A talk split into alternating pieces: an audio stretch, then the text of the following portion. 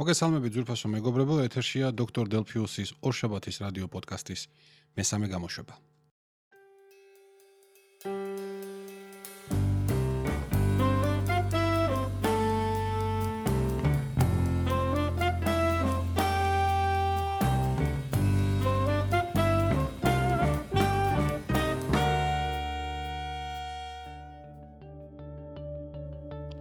მაშასე წინა კვირას გონი ჩავწერეთ გადაცემა. აა ამ ორ შაბათს იმის გამო რომ დასვენების დღე იყო, ჩაწერა ვერ მოხერხდა ვინაიდან როგორც იცით.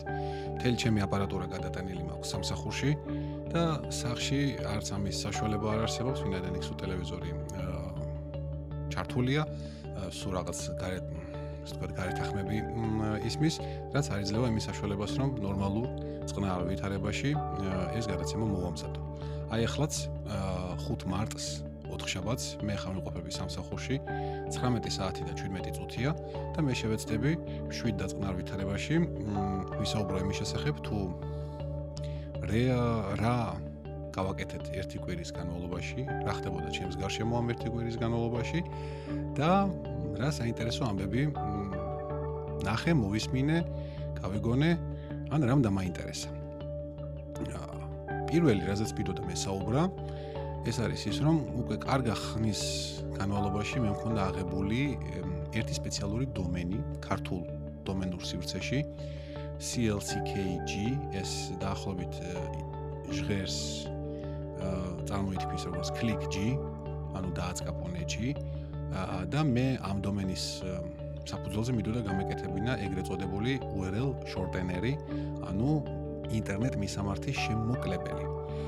აა რა არის ეს და რისთვის კეთდება? ალბათ თქვენ გინახავთ ინტერნეტში აა როდესაც რომელიმე საიტის გრძელი, ძალიან უშველებელი გრძელი მისამართი უცებ მოქცეულია სულ რამდენიმე სიმბოლოში, ძალიან პატარა დომენში, არის მაგალითად ესე tco, bit.ly, აა ესეთი სხვადასხვა პატარა დომენები, მოკლე დომენები და მე უკვე დახრილი ხაზის შემდეგ, ანუ სლეშის შემდეგ, ასევე სულ რამდენიმე ციფრით ან ასოს კომბინაციის კომბინაციით არის მითითებული ეს უნიკალური მისამართი. ამ მულზე შესვლის შედეგად თქვენ ავტომატურად გადამისამართდებით იმ საწყის მულზე, რომელიცთვისაც გაკეთდა ეს მოკლე მისამართი. ასეთი დომენები მოკლე სახელებით და რომლებიც უშუალოდ URL shortener-ებად მუშაობს, არის საკმაოდ ბევრი. აა მათ შორის იყო ერთი ქართული და ქონდა არაჩვეულებრივად კარგი მისამართი, ეს იყო bmu.li, ანუ bmuli, ქართულად links bmuli ქვია, როგორც იცით. აა li დომენი არის ლიხტენშტაინის. და ნუ კარგად ჩაჯდა ქართულ ვარიანტში.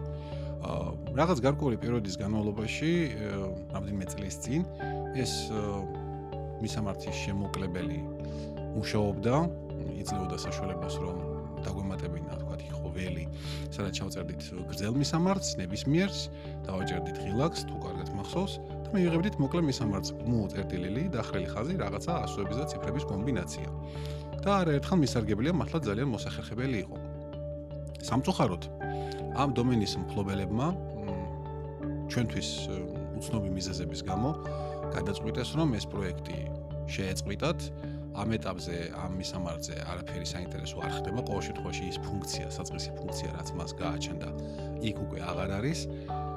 აა და მე შევეცადე დავკავშირებოდი ნუ ანუ მეგობრის მეგობარია ადამიანი რომელიც ამ პროექტზე მუშაობდა. აა ნუ ვკითხე პერსპექტივების შესახებ სამწუხაროდ მან მითხრა რომ თუ სწორად მახსოვს რომ აღარ აპირებდა ამის გაკეთებას. მე მე ვთხოვე ის კოდი თუ შესაძლებელი იყო რა თქმა უნდა მოეცა რომ მე რაიმე სხვა მისამართზე გამეკეთებინა ანალოგიური სერვისი. სამწუხაროდ აქაც ნუ არა ერთგვაროვნად იყო ნათქვამი რომ ეს შეუძლებელია. ოკეი, არაა პრობლემა. აა შევეშვი და დავიწყე ძებნა კოდისა, სკრიპტისა, რომლის საშუალებითაც თქვა მე გავაკეთებდი ამას და პარალელურად ფიქრობდი ასევე თუ რა დომენი ამეღო. რა თქმა უნდა, სასურველი იყო რომ ყოფილიყო G დომენთა სივრცეში, თუ არა და სხვა რომელიმე უცხოური დომენის დომენური სახელის და რაიმე წინ სახელის კომბინაციით მიგვიღო რაღაც ლამაზი, კარგი, ადვილად დასამახსოვრებელი მისამართი. ვეძებე, მაგრამ რაღაც ისეთი საინტერესო ვერაფერი ვარიანტი ვერ ვნახე და მე აღმოაჩინე რომ ასეთივე URL shortener-ად არის CLCK, ანუ click. მართალია ხო თქვა 2 და 3 სიმბოლოიანი დომენებისგან გასხვებით ოდნავ უფრო გრძელია, მაგრამ ну ეს პლუსი აქვს რომ თქვა 2 სიმბოლოიანი დომენი ქართული 900 ლარი ღირს ყოველწლიურად, რაც ახლა ნამდვილად უფასო და ესეთი ღია სერვისისთვის პირადად ჩემთვის მარც თუ ისე სასურველი ხარჯი იქნებოდა ყოველწლიური.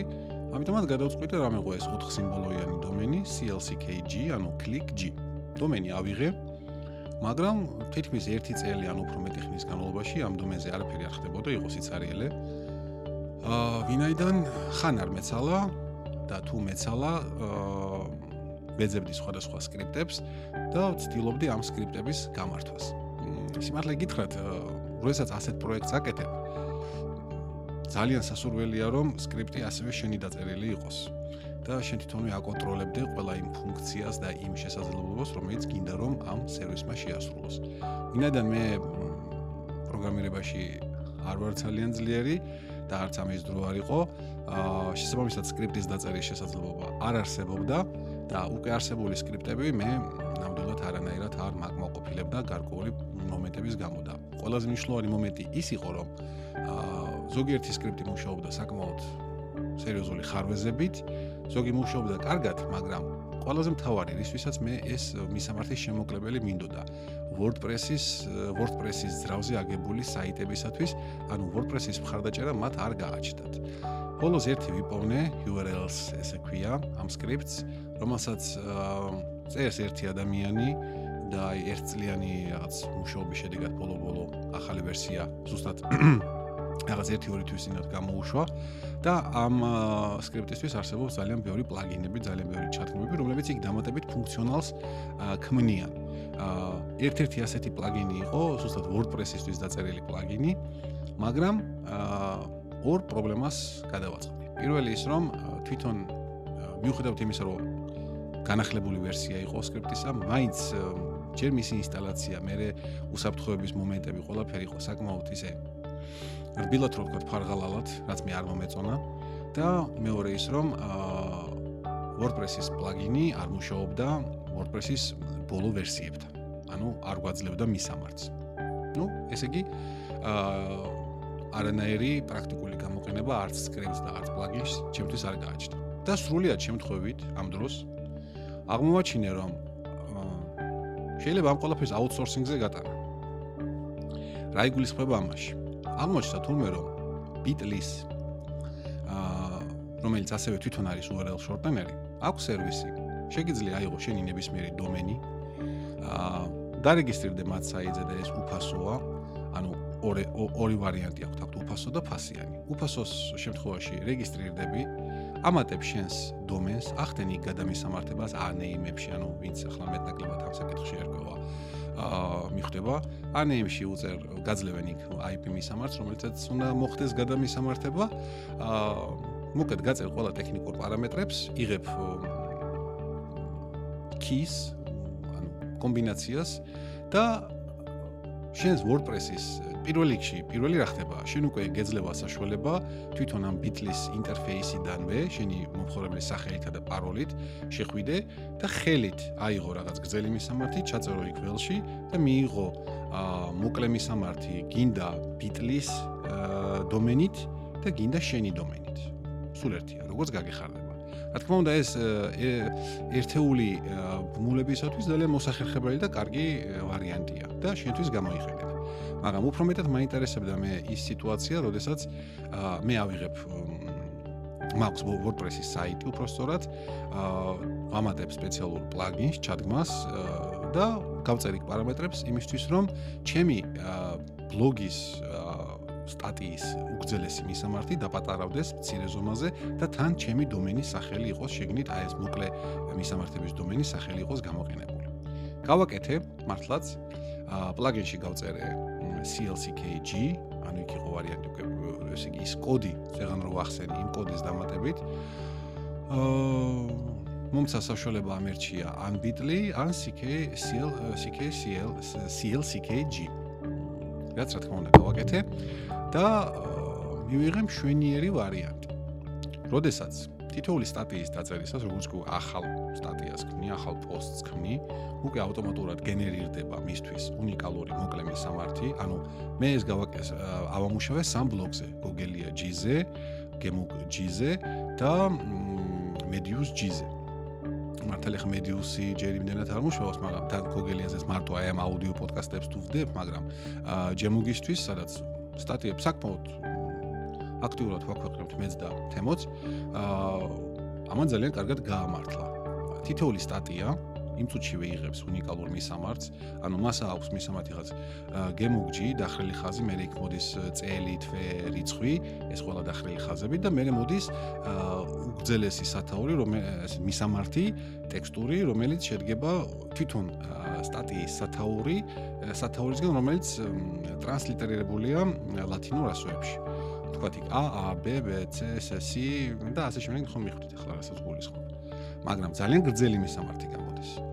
და ვიღებთ მომენტალურად სტატიის შენახვისთანავე მოკლე მისამართად CLCKG დახრილი ხაზი რაღაც პატარა კომბინაცია. უნიკალურია, ანუ ეს დახრილი ხაზის შემდეგ ციფრების დასვების კომბინაცია თუ მიუყენებთ ბიტლის, იგივეს მივიღებთ. ანუ პირველ რიგში გენერირდება ბიტლის მისამართი და მე ამას ჩვენ ვხედავთ ეს იქ ხდება ბიტლის სერვისში და პარალელურად ვღებულობთ CLCKG მისამართსაც. რამაც ძალიან გამახარა და აქტიურად აი უკვე თვეზე მეტი ხანია თუ არ ვწდები აქტიურად ვიყენებ ამ სერვისს. აა ეს უფასო ვერსია. ანუ უფასო ვერსიის შემთხვევაში მხოლოდ შენ შეგიძლია, კი მე რა თქმა უნდა შემიძლია ვიღაცას მივცე ჩემი secret key, მაგრამ უსაფრთხოების მომენტებიდან გამომდინარე, მაინც და მაინც არ არის სასურველი რომ ასე გაკეთდეს. მაგრამ Bitlis აქვს მეორე ფასიანი სერვისი, სადაც იმის გარდა რომ თქვათ სტატისტიკის სტატისტიკური ინფორმაციის უხვად მიღების საშუალება გეძლევა, ანუ ვინ შევიდა, საიდან შევიდა, რა ოპერაციული სისტემიდან, როგორი კომპიუტერიდან და ასე შემდეგ და ასე შემდეგ. ამის გარდა შენ შეგიძლია ფასიან ვერსიაში აა სხვებსაც ასე თქვა შეუქმნა ანგარიშები და ეს უკვე შენი მინი სერვისი გააკეთო მისამართების შემოკლებელის. მაგრამ ფასი არის საკმაოდ ესეთი მკბენარე, სადღაც 900 დოლარამდე არის ყოველთვიურად, ну ესე 900-დან 1000 დოლარამდე, რაც რა თქმა უნდა ისი გადახდის არანაირი სურვილიც არ არ სურვილი მაქვს, არც შესაძლებლობა. ამიტომაც ჩემი პროექტებისათვის CLCK CRTLG ძალიან კარგი URL შემოკლებელი იქნება და შევეცდები მაქსიმალურად ყველგან გამოვიყენო.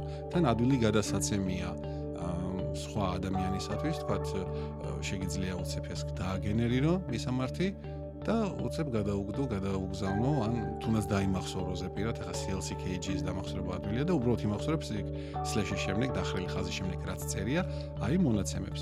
არ არის არაფერი რთული ამაში. ხო, ერთი შეიძლება რომ აი ამ მისამართში ავტომატურად შეიძლება რაღაცა ჩაწერო. ანუ Bitlis სერვერზე უკვე მეორე ჩანაწერი კეთდება, ანუ გენერირდება ჯერ Bitlis მისამართი, მის საფუძველზე გენერირდება CLCKG და შენ თუ თქვა ის დახრილი ხაზის შემდეგ რაღაც შეცვალე, ეს როგორც ელიასი, ანუ რაღაც ფსევდონიმის სახით ემატება. ну, სახართულია, მაგრამ პრინციპში სირთულე დიდი არაფერი არ არის, როდესაც როდესაც ამ საკითხში ერკვევი ადამიანი. მოკლედ აი ამას ვიყენებ და ძალიან ყვაყოფილი ვარ. ეს იყო პირველი საკითხი, რაზეც მინდოდა თქვენთან მესაუბრა. აა ზოგადად ვცდილობ რომ მაქსიმალურად როგორც კი მეძლევა საშუალება WordPress მივხედო, სხვადასხვა პროექტებს მივხედო აი ამ ძრავზე. ქართულებაც მინდა რა თქმა უნდა გავუკეთო 3-8 ვერსიას, ვინაიდან რაღაც 3-8 უკვე სადაცაა 3-9 ვერსია და 4-იც უნდა გამოვიდეს წელს და ძალიან ჩამორჩენილები ვართ სამწუხაროდ ლოკალიზაციის საკითხში. თუ შემომემხია, შემომიამხანაგდება ძალიან ძალიან მადლობელი დაგრჩებით, ვინაიდან მარტო უბრალოდ ფიზიკურად დრო აღარ მრჩება აი ამ ყოლაფრის საკეთებლად. ну ნახოთ, ნახოთ. აა მეორე თემა თქონდა ჩაწერილი, ესეთი სათაური, როგორ ვამზადებ technologies. აა უშუალოდ როგორ ვამზადებ მე და დევი technologies, მაგრამ აა ვინაიდან technologies-ი ტექნოლოგიკა გადაცემა უკვე ორი კვირა არ გასულა ეთერში და სულ ისედაც მხოლოდ ორი გადაცემა გავიდა მთელი ამ თვენახევის თუ ორი თვის განმავლობაში. ცოტა არ იყოს და სასაცილო იქნება მასზე საუბარი ვინაიდან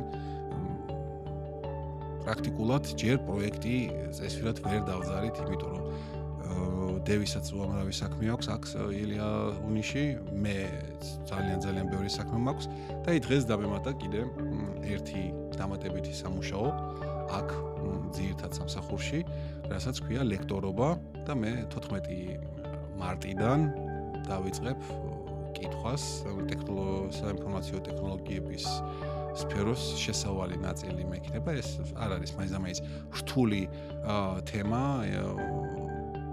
პირადად ჩემთვის. გვექნება საუბრები არქიტექტურაზე, კომპიუტერულ არქიტექტურაზე, საოპერაციო სისტემებზე, ქსელებზე, ცოტა ისტორიასაც შევეხებით, თქვა აი ამ ყველაფრის განვითარების და ასე შემდეგ და ასე შემდეგ. მოკლედ ძალიან დიდი იმედი მაქვს, რომ ბავშვებს ბავშვებისთვის საინტერესო იქნება ყველა ეს თემა და ყურადღებით მომისმენენ და თქვა მე კარგად ჩამოვარებენ ტესტირებისას და თუ შეფასებების დროს. მოკლედ ნახოთ, ნახოთ რა გამოვა ამ საქმიდან. კიდე ერთი რაზეც მინდა გელაპარაკოთ. TBC ბანკის აპლიკაციით სარგებლობ. იმ უბრალო მიზეზის გამო, რომ დღეისათვის მე მხოლოდ და მხოლოდ ერთი ბანკის კლიენტი ვარ და ეს არის TBC ბანკი. მქონდა სხვა სხვადასხვა რამდენიმე ბანკში ანგარიში, მაგრამ შეგნებულად დავხურე და ეს არა იმიტომ რომ დაუშვათ იმ ბანკებთან, იმ ბანკებთან რაღაცა ან პრობლემა მქონდა, ან არ მომწონდა, ან რაღაცა. არა, არანაირი ეგეთი მომენტი არ ყოფილა აბსოლუტურად გულზე ხელის დადებით შემიძლია. გითხრათ, უბრალოდ მერჩივნა რომ ხოლო და მხოლოდ ერთ საფინანსო ორგანიზაციასთან მქონოდა ურთიერთობა. დიდი თანხების და რაღაც აქტივების ფლობელი მე არ ვარ რომ ახლა დაუშვათ მილიონობით ან ათეულობით მილიონი ლარი ან დოლარი რომ ქონოდა და რა თქმა უნდა სრული უგუნურობაა ამ დროს მხოლოდ და მხოლოდ ერთ ბანკში ამ ამ ხელა დიდი თანხის შენახვა მაგრამ როდესაც არ გაქვს არანაირი აქტივი სამწუხაროდ და გაქვს მხოლოდ ჩოლებრივი ყოველთვიური ხელფასი რომელიც ისედაც აბსოლუტურად იხარჯება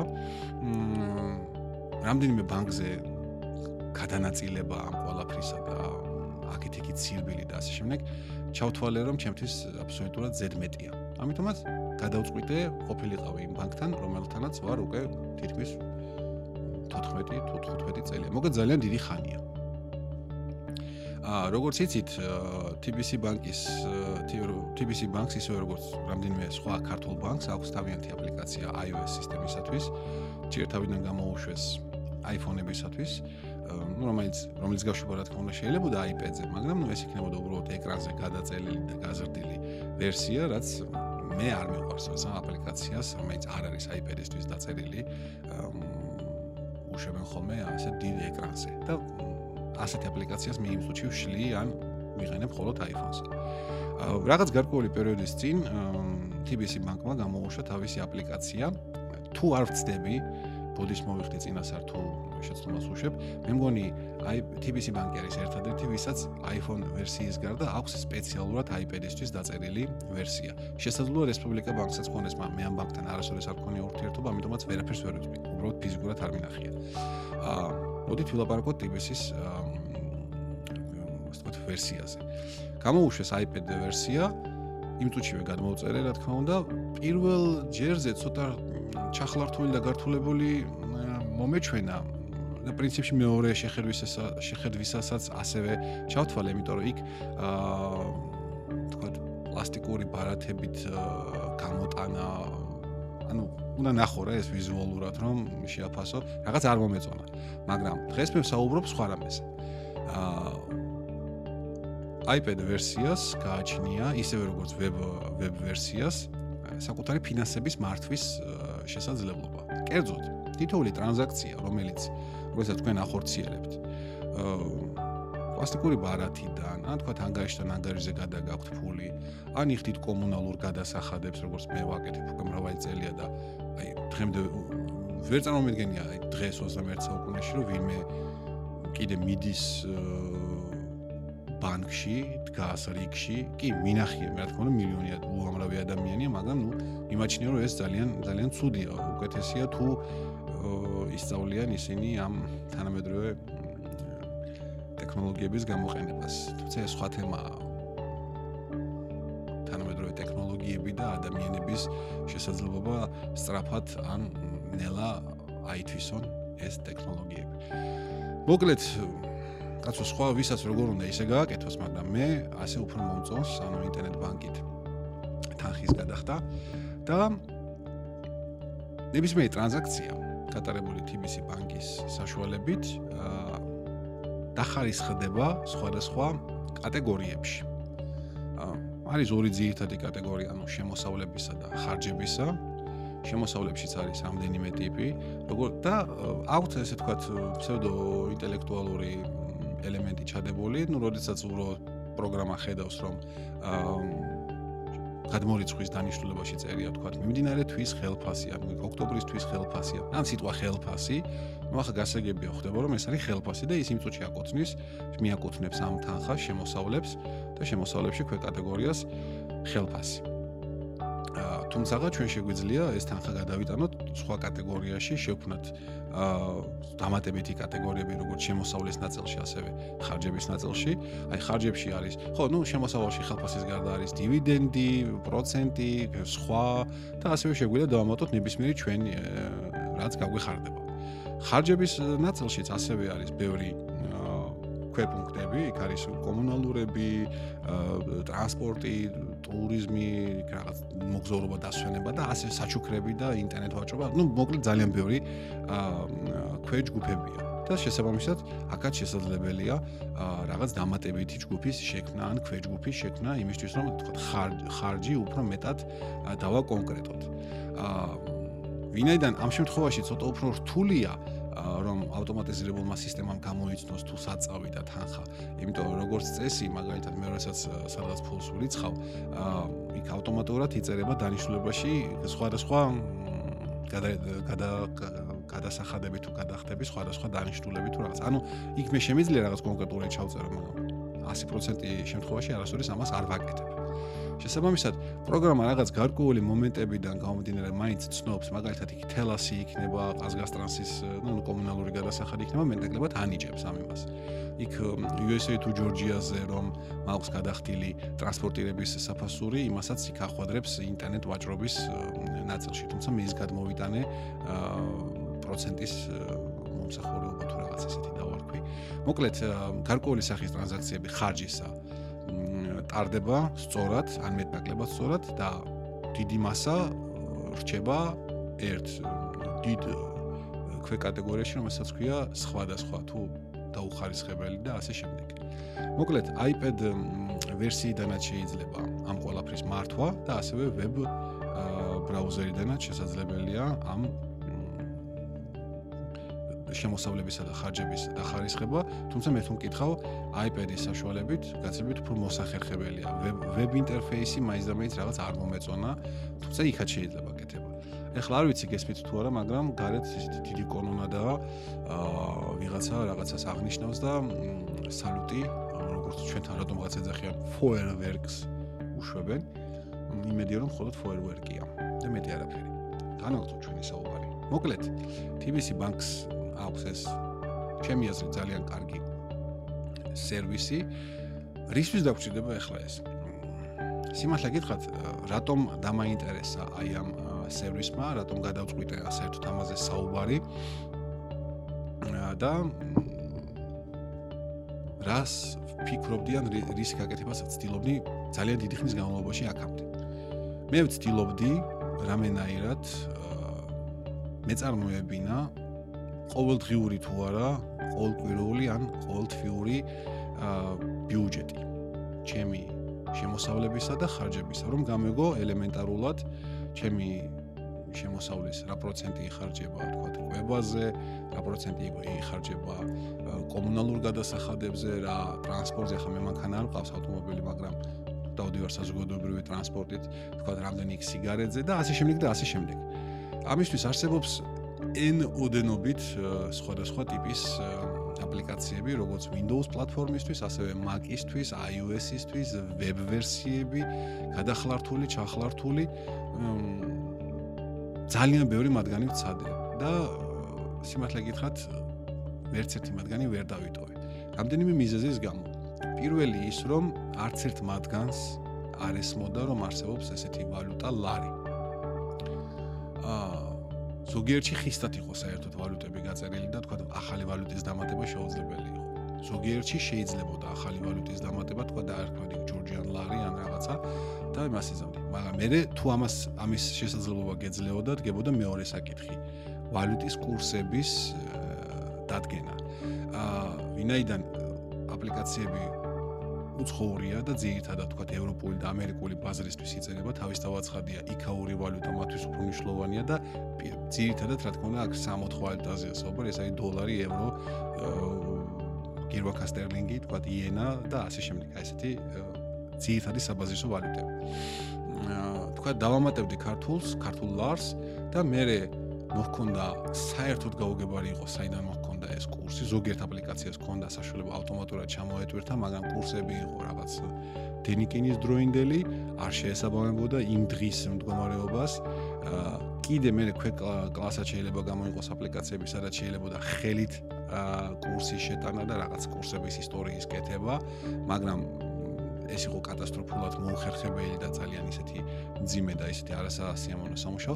მოკლედ ბოლო-ბოლო მივედი იმ მდგომარეობამდე, რომ საერთოდ ყველას დავანებე თავი და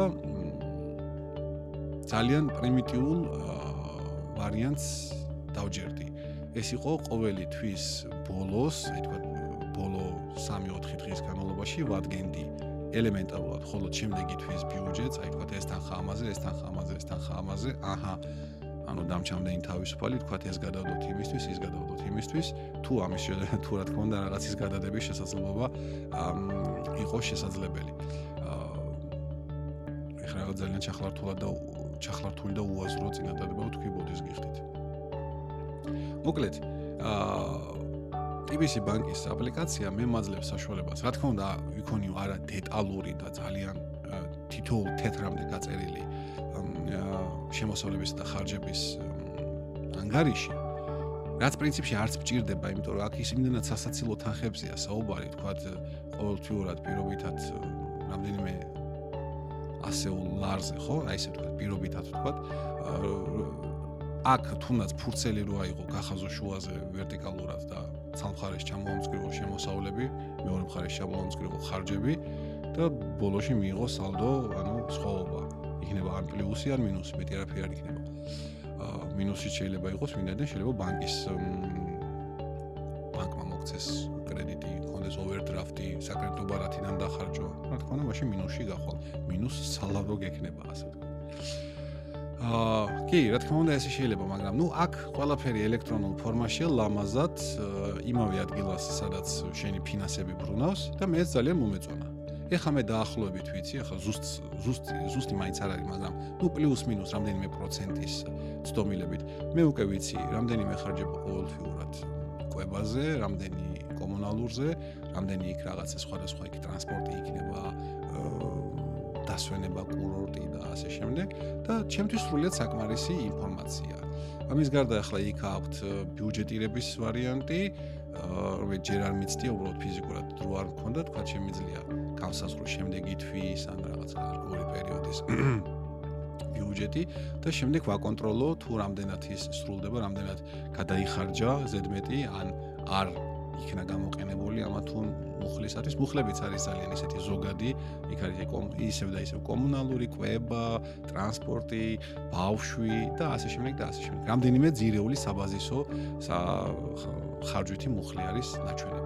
მოკლედ ახლა ეკონომისტებს ან ისეთ ადამიანებს, ვისაც აა უყვარს ძალიან სკრუპულოზურად ინფორმაციის შენახვა, ეს სერვისი არ გამოადგება, მაგრამ ჩემისთან ადამიანს, რომელმაც ძალიან ბევრი დრო, ნერვები დაკარგა, დახარჯა იმისათვის, რომ მეპოვნა რაღაც იდეალური აპლიკაცია, ვერც ერთი ვერ ნახა მე რებოდიში და მიაფურთხა და საერთოდ აღარა წარმოებდა არანაირ აღრიცხვიანობას. ჩემთვის ამ ამ ეტაპზე ყოველ შემთხვევაში არის რაღაც ოპტიმალური ვარიანტი, არც ძალიან დეტალურია, არც ძალიან ზერელია, თქვა ფიქრო პასტის და ფურცლის ვარიანტიც არა გვაქვს. ну მოკლედ რაღაცა ინფორმაციას გარკვეულს ვღებულობთ. და მე მინდა შევაქონა უბრალოდ ამ აპლიკაციის ავტორებიც და თვითონ TBC ბანკიც იმისათვის რომ ჩემთვის პირადად თქვა ძალიან საინტერესო სერვისი შემომთავაზეს. დიდი მადლობა მეგობრებო და როგორც გინდათ ისე დაგეგმოთ. მაშასე. კიდე ერთი თემა რაზე მინდა გესაუბროთ. ვინც მე ახლოს მიცნობს და ვისაც მე Facebook-ზე ფრენდებში ვხევარ, იცის რომ მე ჩემი გატაცება ერთ-ერთი ყველაზე ძლიერი და ხანგრძლივიც ხანგრძლივი არ არის ახლა ეს 10 წლეულებს არ ითვლის, მაგრამ ну ჩემთვის შეიძლება ხანგრძლივი დავარქვა. და მოკეთ აი ყველაზე ისეთი არის Star Trek-ის სამყარო. ეს არის გიგანტური სერიალების ციკლი. აა და მრავალი ხატრული ფილმის, მულტფილმის, კომიქსების, წიგნების, მოკლედ. ანუ Star Wars-ი, ანუ ვარსკვლავური ომები მოცულობით ახლოსაც კი ვერ მივა Star Trek-თან. აბადეთ Star Wars-ის მოყვარულება, მაგრამ ამდენად ესეა. დაეძალა იყოს თქვენთან, მაგრამ ჩვენ უფრო უფრო საინტერესო სამყარო გვაქვს. რამდენიმე წლის წინათ მე ბავშვობაშიც მქონდა ნანახი 1-2 ფილმი, მაგრამ რაღაცნაირად მაშინ ვერ აღივქვი, იმიტომ რომ შეიძლება მართლაც ფილმ მარტო ფილმის ნახვა ვერ მისცემს ადამიანს საშუალებას მთლიანად აღიქვას ეს სამყარო, აუცილებლად უნდა სერიალები ნახო და მაშინ ამის საშუალება ნაკლებად იყო. ხო ბავშვობას ვიძახი ასე ვიყავი ალბათ 20 წლამდე ასაკის დაახლოებით. აა მოკლედ სულ რაღაც 1-4 წლის წინ დავჯექი და თავიდან ბოლომდე ქრონოლოგიურად ვუყურე აბსოლუტურად ყველა სერიალს, ყველა ფილმს აა და ჯამში ეს გამოვიდა წელიწადი და რამდენიმე თვე ყოველ საღამოს რამდენიმე სერიის ყურების შემთხვევაში. აა გრანდიოზული რაღაცა მართლა მინდა გითხრათ და აი ახლა გასულ შემოდგომას ეს 2013 რომ თავდებოდა მე ხელახლა ну ერთი ერთი სერიალი ამოვაგდი ყველაზე ძველი რომელიც 60-იან წლებში იყო გადაღებული. არა იმიტომ რომ ის ცუდი საყურებელია ვინაიდან ძველი არა ის გადასარევი საყურებელია მაგრამ აი რატომღაც აი არ მომინდა იმის იყურება ამოვაგდე ეგ და ამოვაგდე 2000 2000-იან წლებში გადაღებული ასევე სერიალი რომელიც ყველაზე სუსტი ეს სერიალი შეგვიძლია ყველაზე სუსტ სერიალად შეგვიძლია ჩავთვალოთ. და უყურე კლასიკურ ყველაზე ისეთ მნიშვნელოვან სამ სერიალს. ეს არის The Next Generation Star Trek Next Generation Star Trek Deep Space 9 და Star Trek Voyager. აა ფილმები მილიონჯერ მაქვს ნახე და ფილმებისთვის აღარ მიყურები. რატომ გავაკეთე ახლა ესეთი ძალიან დიდი და ხანგრძლივი შესავალი? აა რამდენიმე თვის წინ შეიძლება ერთი წლის წინათაც კი როცა ჯერ კიდევ საბურთალოზე ცხოვრობდი აა ინტერნეტში წავაწყდი პროექტს რომელიც ნაჩვენები იყო რომ იყიდებოდა გამზადებული 4 გრაფიკული ნახატი. 4-ვე ნახატზე გამოსახული იყო ხომალდი Enterprise. Enterprise ხომალდი, ხომალდი ძალიან მნიშვნელოვანია Star Trek-ისთვის, ვინაიდან ესე ძირითადი ხომალდი, სადაც ხდება ყველა ის ამბები, რასაც აქ უყურებთ. მაგრამ სერიალიდან სერიალში ხომალდი ხან იღუპება, ხან ზიანდება, ხან რაღაცა ხდება და მისი ახალ ახალი ახალი ვერსიები გამოდის. ანუ თავიდან იყო 1701, მე 1701 A, B, C, D და ასე შემდეგ. ну მანამდე სუსუ პირველ ვერსიაში ყო NX01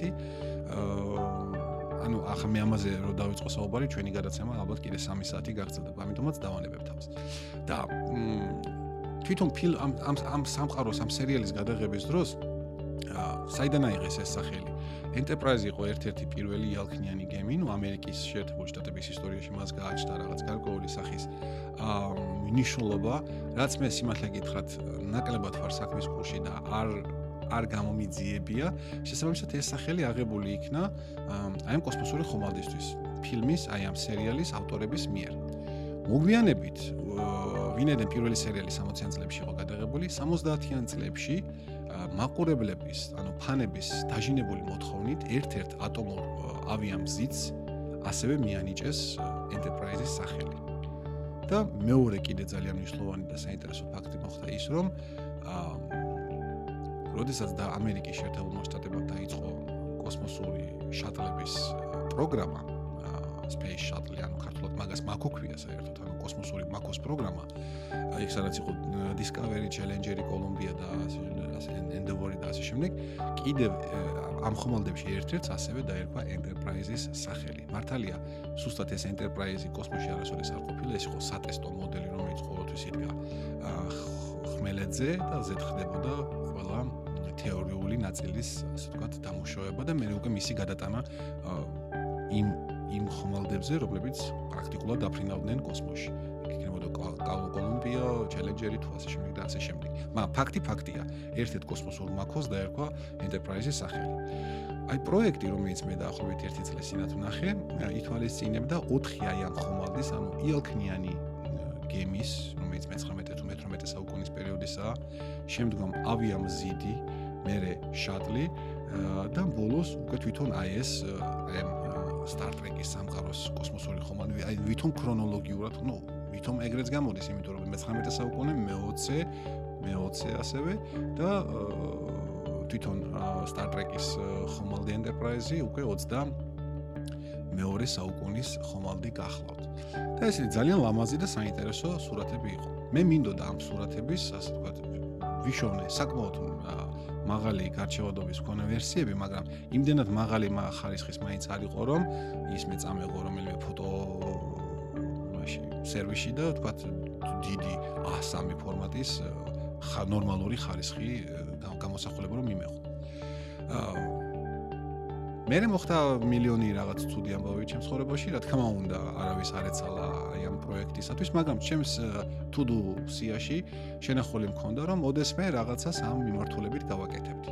და მართლაც მე რაც ვაკეთ აქეთ გადმოვიდი, ხო, სანამ გადმოვიდოდი ლეონიში.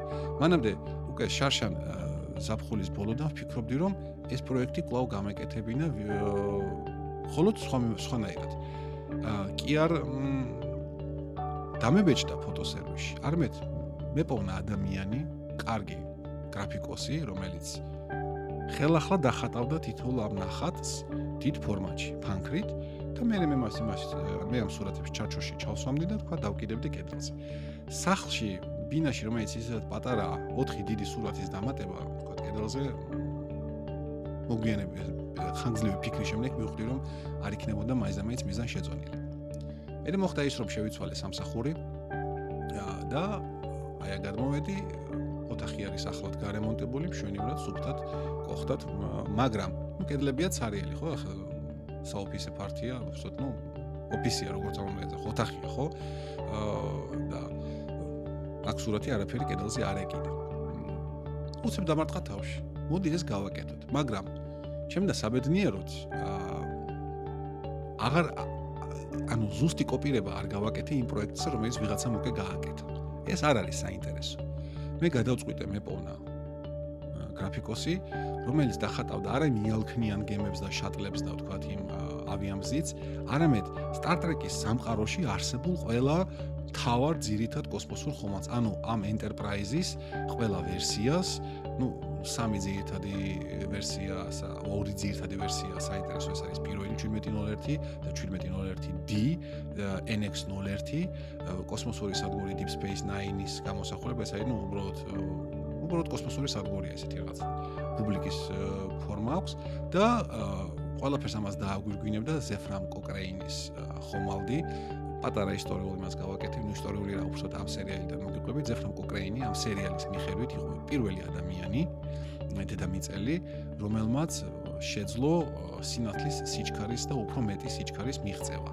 მოხდა ეს ყველაფერი 21 საუკუნეში, 60-იან წლებში, როდესაც სულ რამდენიმე წლის დასრულებული იყო მესამე სოფლიო ბირთვული ომი და რა თქმა უნდა, კიდე იყო შენარჩუნებული რამოდენიმე ბირთვული კობინი, ანუ ეს ანუ ბირთვული რაკეტები და აი ამ ზუსტად ამ ბირთვული რაკეტების ბაზაზე ვინმე ზეფრამ კოკრეინმა შექმნა ესეთი ხომალდი. მისი პირველი საცდელი გაფრენა დაინახეს უცხო პლანეტელებმა, ვულკანელებმა და აი ამის შემდეგ იწყება უკვე დედამიწელების ინტეგრაცია galaktikაში, რომელიც თურმე იქ ცხოვრება დუხს, გადმოდუხს, არიან უამრავი რასები, არიან სხვადასხვა, ну, მაგალითად, მიდის ომები, მთელი ამბები, ვაჭრობა და ასე შემდეგ და ასე შემდეგ. მოკლედ მე დაბეჭდებით გირჩევთ თუ თქვენ გიყვართ ფანტასტიკა, ან თუნდაც ფენტეზი. აა მაინც უფრო ფანტასტიკის მოყვარული სიყვარული სასურველია. დაბეჭდებით გიჩევთ თუ დღემდე დაშვებული გაქვთ გამოუსწორებელი შეცდომა და არ გაქვთ ნანახი ეს Star Trek-ის სერიალი, აუცილებლად ნახოთ თქვენი ცხოვრების დაახლოებით 1 წელიწადის. გამოყოთ, არ გეუბნებით რომ გადამულოთ, გადამულოთ რომ უყუროთ და თქო 24 საათი არაფერი არ აკეთოთ, ალბათ ერთ სამ თვეში მორჩებით, მაგრამ ნუ ეს შეუძლებელია მესმის. ხო, ამიტომაც გეუბნებით ერთ წელიწადს რომ ყოველ საღამოს თქვა 1, 2, 3 სერია რომ ნახოთ. მერწმუნეთ ძალიან დიდ სიამონებას მიიღებთ. ხო და მოკლედ აი ეს 5 თუ 6 ხომალდი იქნება გამოსახული ფანქარში, ხელით, არანაირი კომპიუტერული ტექნოლოგიები გამოყენებული არ იქნება და არც არის, ვინაიდან პროექტი უკვე საკმაოდ წარმატებით მიმდინარეობს. პირველი ის რომ მე ვიპოვნე ადამიანი 17 წლის ახალგაზრდა დათო, რომელიც ჩემი მოგზელებული აზრით და არა მარტო ჩემი აზრით, არამედ სხვებიც ასევე აფასებენ, არაჩვეულებრივად კარგად ხატავს. აქვს ძალიან კარგი ხელი და წერს აბარებს სამხატვრო აკადემიაში და უსურებ აუცილებლად წარმატებას, რომ მან ის დადგეს ძალიან კარგი გრაფიკოსი და ძალიან კარგი ცოდნე თავისი საქმისა. ადამიანს შეუთავხდი და გარკვეული ანაზღაურების საფუძველზე მე ის ყოველთვიურად თითო სურათს მიმზადებს, მიხატავს. იანვარში იყო ერთი, თებერვალში მეორე და ეხლა უკვე მარტის დასაწყისში მესამე ნახატის შეკვეთა მივეცი დათოს. აა დაახლოებით სჭირდება 7-დან 12 დღემდე, იმიტომ რომ საკმაოდ დეტალიზირებულია თითოეული ხომალდი, იქ უამრავი წვრილი დეტალები აქვს, ფონი აქვს აა და ასევე მინდა ვთქვა, რომ დავითი ძალიან გულდასმით და ძალიან ისეთი სკრუპულოზურად ასრულებს თავის სამუშაოს და რაც თავია ძალიან ხარისხიანად, ეს ისიც მე ძალიან მოყოფილი ვარ და შესაბამისად ვჭირდება გარკვეული დრო. მოაქვს მე ჩემთან აქ ილიაონიში, მე მეორე დღეს ის მიმაქვს ეს ნახატი მაქტივინში და მომზადებ მომზადებინებ ჩარჩოს. რა თქმა უნდა ყველა ჩარჩო ერთი ერთ დიზაინშია გადაწყვეტილი ესეთი სადა შავი ფერის ჩარჩოა და ყველა ნახატი რა თქმა უნდა ასევე ერთი და იგივე ზომისაა. აგერ ახლა გავიხედე ნამდვილად ორი მშვენიერესი ხომალდი ჩანს და სულ-სულ მალე იმედია მესამეც დაემატება. მე მეოთხე და მე მეხუთე. საბოლოო ჯამში არა ექვსი ხომალდი იქნება. და მეშვიდე სურათი იქნება დიდი პანო, ну დიდი ახლა ძალიან ის არ ვიცი, მაგრამ აი აი რასაც ეს ხომალდები არის, ორი მაქხელა ნახატი უნდა იყოს დაახლოებით, სადაც აღბეჭდილი იქნებიან ამ სერიალის ყველა აღბეჭდილი იქნება ყველა პერსონაჟი. კაპიტნები, მისი მათი თანაშემწეები, ექიმები, ну მოკლედ ძალიან ხოთ ეს უკვე იქნება მინდა რომ იყოს ფერადი, იმიტომ რომ მაინც ადამიანის სახე უკვე ისეთი ფაქტურაა, რომ მირჩევნია რომ თქვა ფერში იყოს განხორციელებული. მოკეთ ეს ესეთი ძალიან საინტერესო პროექტი მაქვს, რომელთაც რომელიც რა თქმა უნდა ითხოვს გარკვეული სახის ხარჯებს, მაგრამ მე პირადად იმდენად დიდ სიამოვნებას მანიჭებს შედეგი, რომ ნამდვილად არ მენანება ის თანხა, რომელსაც მე ყოველთვიურად ამაზე ხარჯობ ხარჯავ საკუთარი ბიუჯეტიდან. აი ეს არის პრინციპში, ესე მინდა მოკლედ მოუჭრა ეს არის პრინციპში ის მოკლე ამბები, რაზეც დღეს მინდოდა მე საუბრა. აა დიდ იმედს ვიტოვებ, რომ თქვენთვის საინტერესო იყო ჩემი დღევანდელი გადაცემა. გელოდებით მომავალ ორშაბათს. იმედი მაქვს, რომ ორშაბათს მე ჩავწერ და არა ოთხშაბათს. საუკეთესო სურვილებით გემშვიდობებით. კარგად ზარდებოდეთ.